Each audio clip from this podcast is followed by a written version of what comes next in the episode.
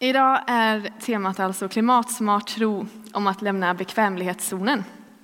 Och vi har ju pratat om lite olika underteman i den här eh, gudstjänstdelen som vi har haft som heter klimatsmart tro.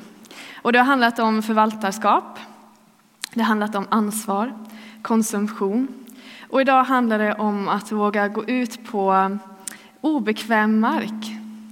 Om att Gud kallar oss till ett liv som kanske inte alltid är så bekvämt ur våra perspektiv.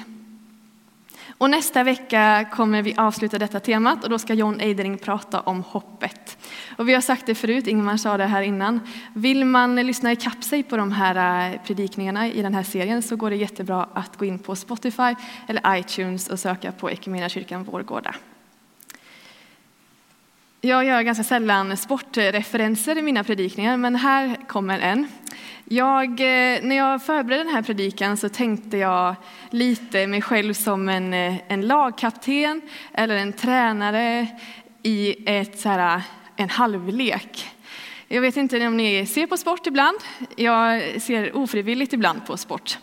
Och då ser jag ju där hur de så här går ihop i laget i så här halvlek. Och sen så, ja, i och för sig i fotboll går de iväg, men ibland ser man ju att de står så här i en klunga liksom. Och så säger lagkaptenen eller tränaren massa så peppande ord. Och jag tänker mig att de kanske ibland säger, men nu får ni gå upp ur liksom avbytarbänken, kom in på plan. Liksom, eh, sov inte nu, vi måste avgöra den här matchen. Och jag tänkte lite mig själv som att jag skulle liksom få peppa er till att så här, ja, men vi måste värna den här jorden, vi måste ut på planen, vi måste tänka på vår nästa generation. Men sen så kom jag på ganska snabbt när jag förberedde det här att insåg det att jag, jag själv behöver ju vara en i den här klungan. Jag själv behöver det peppet. Jag själv behöver de där ryggdunken liksom. Bara ut på planen Maria. Så den här predikan, som många andra, så är den minst lika mycket till mig själv som den är kanske till någon av er. Jag tänker att vi kan få be för och lägga den i Guds händer. Tack Jesus för att vi får komma till dig idag. Tack för att vi får eh, försöka förstå lite mer vem du är och eh, vad vi är och vilka vi är i relation till dig och vad vi har för uppdrag. Var med oss nu under den här svåra tiden som vi befinner oss i. Och jag ber om att den här predikan ska få tala till, eh, till oss alla. Amen. Och till att börja med så kan det ju kännas lite märkligt att prata om att lämna bekvämlighetszoner under en period av eh, stor prövning för oss alla. Vi har på många sätt som individer och som nationer fått gå över en massa gränser och bekvämlighetszoner den senaste tiden. Coronas framfart har tvingat oss alla att minst sagt hitta nya vägar, nya lösningar, fatta nya obekväma beslut stanna hemma, inte få gå ut, inte resa, inte hälsa på, vara i karantän. Och det här med bekvämlighetszoner, det tänker jag ju är också ganska individuellt. Jag kan inte säga till dig vart din bekvämlighetszon börjar eller slutar. Och eh, olika nya områden kan ju upplevas eh, olika och ha olika starkt obehag hos, hos, hos alla. Och det som väcker ett obehag i mig kanske till och med väcker ett liksom lite pirr eller äventyrslust hos dig. Men vad säger Jesus om den här saken? Behöver vi lämna vår bekvämlighetszon? Ingmar läste tidigare från Matteus 5, 13-16. Jag tänker att vi gör det en gång till. Där står det så här. Ni är jordens salt. Men om saltet mister sin kraft, hur ska man då få det salt igen? Det duger inte till annat än att kasta bort och trampas av människorna. Ni är världens ljus. En stad uppe på ett berg kan inte döljas. Och när man tänder en lampa sätter man den inte under sädesmåttet utan på hållaren så att den lyser för alla i huset. På samma sätt ska ert ljus lysa för människorna så att de ser era goda gärningar och prisar er far i himlen. Ni vet eh, förmodligen, många av er här inne, vad salt och ljus har för egenskaper, men jag tänker att vi repeterar det lite. Saltet den har ju ganska många olika egenskaper. Bland annat så är den ju en, en smakhöjare i matlagning. Och eh, den eh, ger ger inte bara själv smak, utan den kan ju också få andra smaker och kryddor att smaka ännu mer.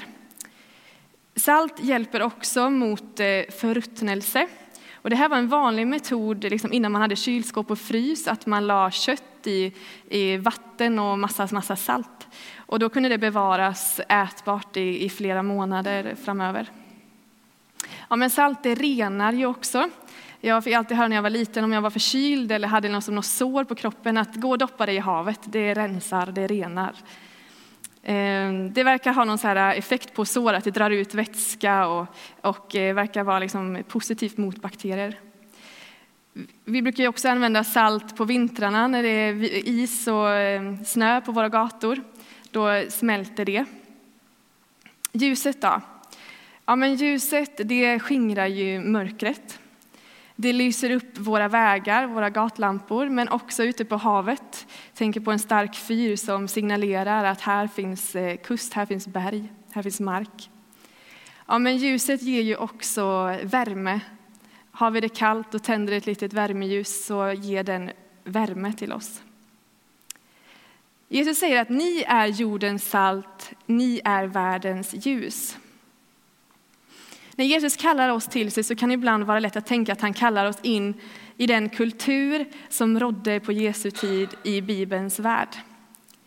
I en värld som för oss idag på många sätt eh, kan kännas ganska ogreppbar, som ibland känns som en, som en, nästan som en sagovärld, som är svår att applicera in i våran tid. Att vara lärjunge på Jesu tid handlar i hög grad om att lämna bekvämligheten bakom sig. Många fick lämna sina familjer utan att veta om de någonsin skulle ses igen. Hade inte så mycket möjlighet att hålla kontakten. Man fick på många områden eh, kliva över normer Eh, i samhället. Flera fick faktiskt dö för sin tro och sin övertygelse. Samhället då såg annorlunda ut. Att Jesus tog emot barnen var ganska kontroversiellt då barn inte hade särskilt eh, mycket värde i antikens värld. Det fanns många utsatta grupper i samhället. Sjuka, fattiga. Det fanns stora splittringar och skillnader på människor. Det fanns mycket orättvisor. Så när Jesus säger till sina lärjungar och till de som är runt omkring som lyssnar på det här, när han säger att ni är salt och ni är ljus, så är det utifrån hur världen såg ut där och då. Och det verkar som att de som lyssnade behövde få höra att hallå, ni ska inte spä på den här splittringen. Ni ska inte tillåta att sjuka blir utstötta. Ja, men ligger en skadad man eller kvinna vid vägkanten så ska ni inte bara gå förbi där, ni ska hjälpa den människan. Ni ska inte tillåta att synden liksom får styra era liv. Nej, ni ska vara salt och ni ska vara ljus. Att vara salt och ljus handlar om att förhindra förruttnelse, att sprida en god smak, att visa på hopp. Det kunde vara att eh, be för sjuka, de som ingen ville röra vid. Umgås med dem som i andras ögon var syndare som ingen ville eh, beblanda sig med. Det kunde handla om att ställa barnen som exempel för hur Guds rike fungerar. De som inte hade något större värde eller större talan.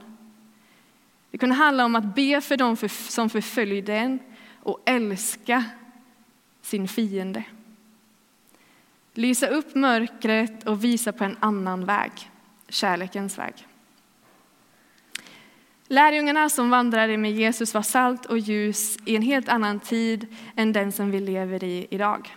Och såklart finns likheter och samhällsproblem som liknar varandra.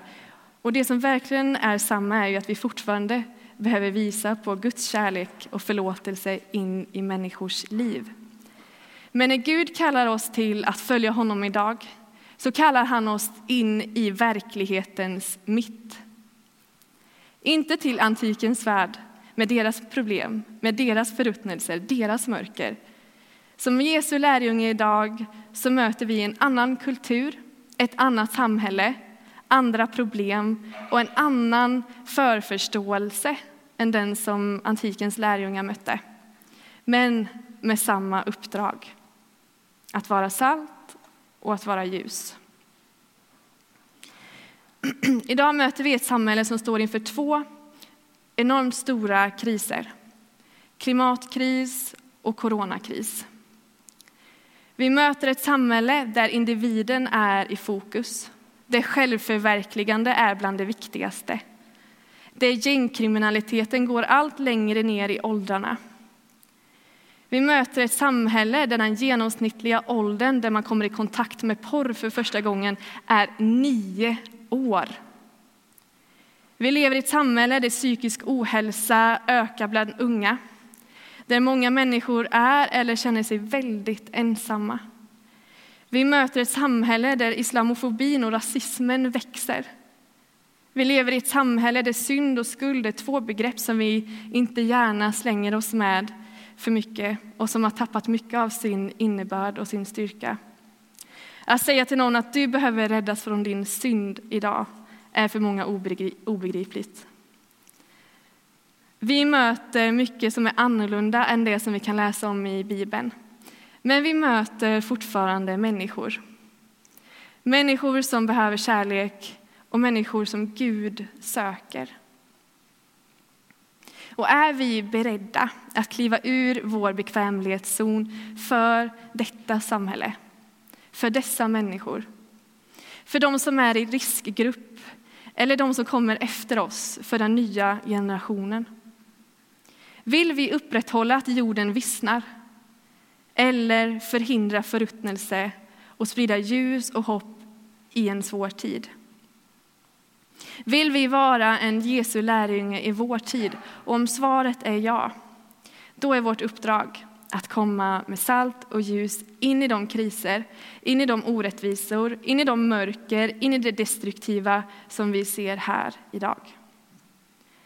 Varför då? Jo, för att vi är Guds barn. Vi är Guds medhjälpare och i hans ljus så får vi gå. Hans kärlek är till för alla, han söker alla. Och ibland får vi vara med och smälta bort snön, hindra förruttnelse, komma med ljus in i människors liv så att Gud liksom kan få kliva in och upprätta, förlåta och ösa över sin kärlek över en människa. Så här säger Paulus i Romarbrevet kapitel 15, vers 1. Vi som är starka är skyldiga att hjälpa de svaga med deras bördor och får inte tänka på oss själva. Vi ska, vara, vi ska var och en tänka på vår nästa, på vad som är gott och bygger upp. Och jag har sett så många fina klipp på sociala medier den här veckan på människor som hjälper varandra. Osjälviska handlingar, initiativ till handlingshjälp, initiativ som motverkar känslan av ensamhet. Och jag såg ett, ett klipp som särskilt etsade sig fast lite hos mig. Eh, det var människor i, i Spanien, tror jag att det var, som stod på sina balkonger och sjöng och dansade och spelade tillsammans. De var i karantän. Eh, de är på många sätt i ensamhet, i en ofrivillig ensamhet. Men där och då, genom att gå ut på sina balkonger och liksom sjunga tillsammans som en enda kör, så motverkar de ensamheten. Där och då motverkar de mörker och förruttnelse. Och det finns så många goda initiativ inom klimatrörelsen som motverkar utsläpp. Bara här i Vårgårda kommun görs väldigt många olika bra satsningar. Men det krävs att vi faktiskt alla går utanför vår bekvämlighetszon. Att vi liksom hoppar upp från den där avbrytarbänken, kliver över relingen, eller vi kan använda vilken metafor vi vill, bara vi gör det. Och det kanske krävs att vi är lite obekväma ibland, att vi tar lite obekväma steg. Men tänk på vad som händer. Vi får sprida kärlek och motverka förruttnelse. Vi får se och sprida kärlek till vår nästa. Och det kanske kräver av oss att vi får ta cykeln lite oftare än bilen. Att vi äter närodlat, äter mindre kött och köper lite eller kanske till och med mycket mer begagnat, begagnat än nytt. Det kanske kräver vår underskrift på protester eller vår röst i debatter. Det kanske kräver vårt stopp eller vårt ja. Det kanske kräver vårt hejarop när alla, alla andra verkar ha tröttnat. Att vi kliver in i förruttnelse och tänder lampan i mörkret. Det kan ibland och ganska ofta kräva att vi väljer bort vår bekvämlighet för just vår nästa. Och nu kommer jag till det kanske allra viktigaste. Jag tänker på den där klungan igen, det där laget igen. Det där laget som är så viktigt. Vi tillsammans. Och mitt i den där klungan så står Jesus. Och det jag tänker mig att han säger nu till oss är det här. Hör upp. Ni ska vara salt och ljus. Ni ska visa ljus, visa hopp och motverka förruttnelse. Men inte för er själva, där gör det ingen nytta. För att motverka att köttet ruttnar så behöver det inte bara ett saltkorn utan väldigt mycket salt. Och för att få se en fyr ute på havet så räcker inte ett litet stearinljus, det behövs en stark lampa. Jag sänder er två och två, jag sänder er tillsammans. Ni behöver varandra nu. Jag behöver att ni samarbetar. Ni tillsammans är min kropp, min kyrka. Ni hör ihop. Och vet ni vad? Där två eller tre är samlade i mitt namn så är jag mitt ibland er. Var inte rädda, min lilla jord. Jag kommer lysa upp er stig. Och om ni faller eller behöver vila så bär jag upp er på mina axlar. Jag är med er alla dagar till tidens slut. Det kanske inte alltid är det mest bekväma att vara salt och ljus, att vara en Jesu lärjunge. Men vi kan alltid vara trygga. Bekvämlighet och trygghet tänker jag är två olika saker. Jesus lämnar aldrig vår sida, även i de mest svåra tider. Och det kan vi alltid, alltid vara trygga med. Amen. Tack Jesus för att du aldrig lämnar vår sida. Att du går med oss över relingen och ut på okänt vatten, in i det som kan kännas obekvämt och nytt. Tack för att du finns med oss i stunder av mörker när vi inte ser hur vi ska ta oss vidare, hur vi ska komma framåt. Tack för att du är med, att du är det stora ljuset som lyser upp vår väg. Amen.